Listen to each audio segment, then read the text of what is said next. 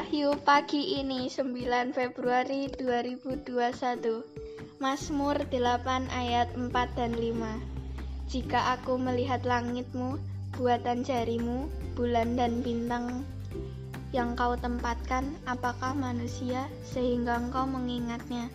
Apakah anak manusia sehingga engkau mengindahkannya? Saudara-saudari terkasih, mari menyadari betapa kita ini kecil dan hina di hadapan Tuhan. Namun tetap diperhatikannya bersyukurlah. Selamat pagi, Tuhan memberkati.